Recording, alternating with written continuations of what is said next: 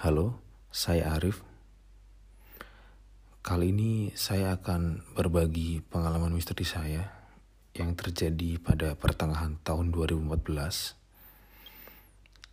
Tepatnya di kota Sintang, salah satu kota kecil yang terletak di Kalimantan Barat.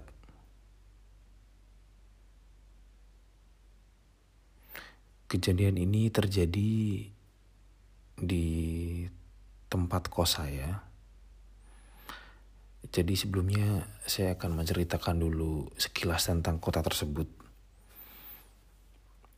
Jadi kota Sintang ini bisa dibilang letaknya di tengah-tengah pulau Kalimantan di mana kota itu masih dikelilingi hutan, masih terdapat banyak sekali pepohonan dan jarak antar rumah belum terlalu berdekatan. Kejadian ini terjadi di kos yang saya tinggali. Jadi kos-kosan ini terdiri dari dua lantai, delapan kamar, di total delapan kamar, empat kamar di lantai satu dan empat kamar di lantai dua. Kebetulan pada saat itu saya menempati kamar di lantai dua dan di lantai dua hanya ditempati dua orang, hanya dua kamar yang ditempati. Jadi hanya saya dan teman saya tinggal di sebelah kanan kamar saya, sebut saja namanya Aji. Kebetulan juga dia sama-sama anak rantau. Jadi kita sama-sama perantauan di Kalimantan ini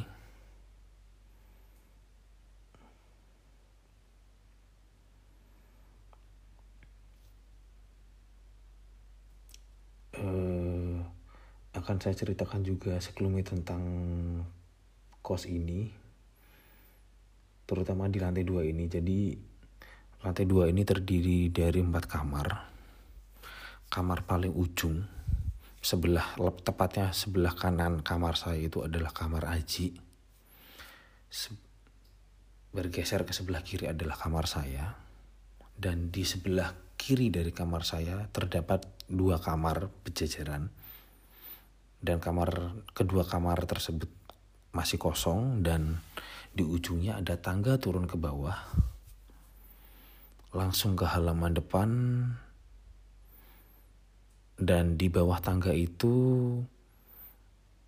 langsung tanah yang terdapat banyak kerikil. Memang sengaja ditaruh banyak kerikil oleh ibu kos. Karena mungkin ketika hujan biar tidak terlalu becek. Jadi ada sebagian paving dan kerikil.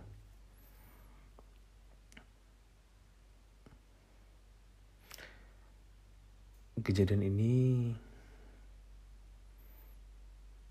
terjadi di pertengahan tahun 2014 di salah satu malam. Kebetulan saya lupa itu hari apa, Jumat malam atau Sabtu malam saya lupa. Cuma waktu itu saya sedang di kamar. Lampu lampu kamar kos pun sudah mati. Sudah menunggu tinggal menunggu untuk tidur. Cuma masih belum bisa belum bisa tidur. Jadi tinggal sambil main-main HP buka-buka sosmed dan tiba-tiba terdengar dari luar kamar dari tepat di depan pintu di balkon yang di, terdapat di depan kamar terdap, terdengar suara hentakan. Hentakan yang cukup keras. Seperti orang yang berjalan cepat sambil menghentakkan kakinya di lantai.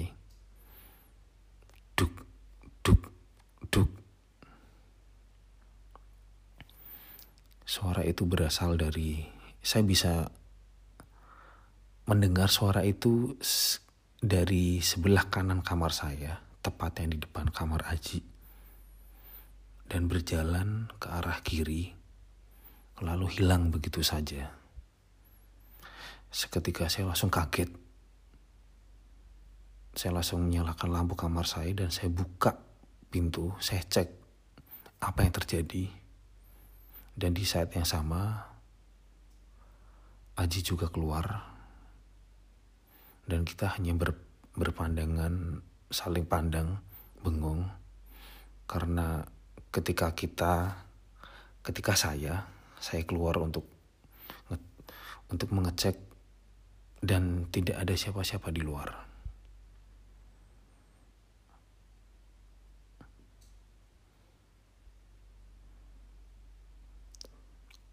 Aneh dari kejadian ini adalah kamar saya di lantai dua.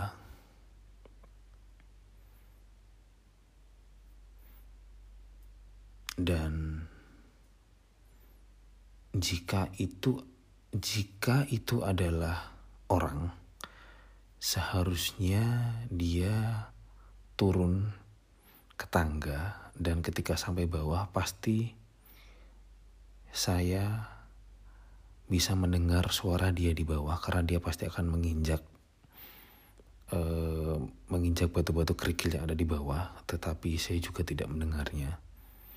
Dan Aji pun yang juga men mendengar kejadian itu tidak mendengar suara kerikil di bawah. Jadi kita hanya mendengar suara hentakan langkah kaki itu di lantai dua dan hilang di ujung di lorong kos di sebelah kiri.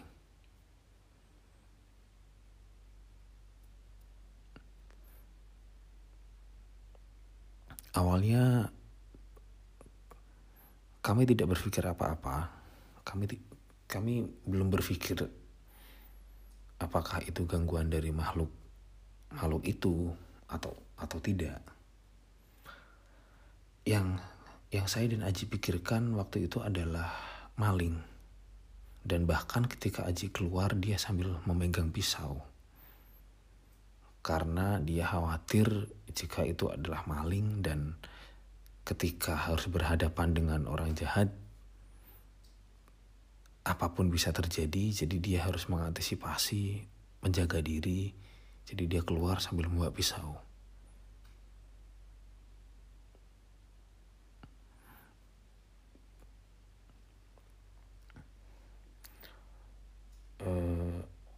cukup sampai segitu kejadiannya Sebenarnya ini baru kejadian awal dari beberapa kejadian misteri lain yang terjadi di sana.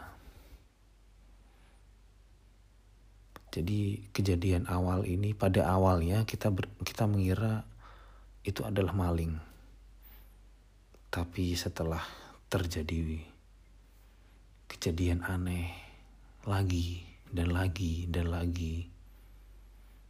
Akhirnya saya dan Aji mulai sadar bahwa ini bukan manusia, ini adalah gangguan dari mereka. Dan kita di lantai dua tidak sendiri.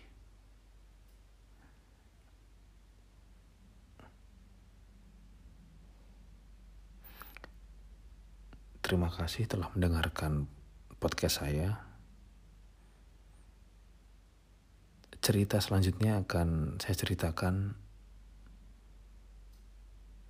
di lain waktu. Selamat malam.